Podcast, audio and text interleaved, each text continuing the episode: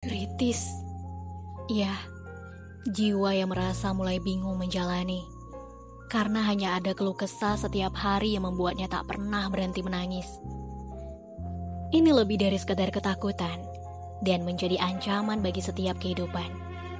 Kau tahu, hanya saja napas tak langsung tersengal. Makanya, yang namanya tanggung jawab tak pernah kau kenal. Coba bakar hutan itu di tenggorokanmu. Biar tahu perasaannya menjadi korbanmu. Sudahkah asap itu mencandui tubuhmu? Apakah menurutmu perlahan tidak akan rubuh?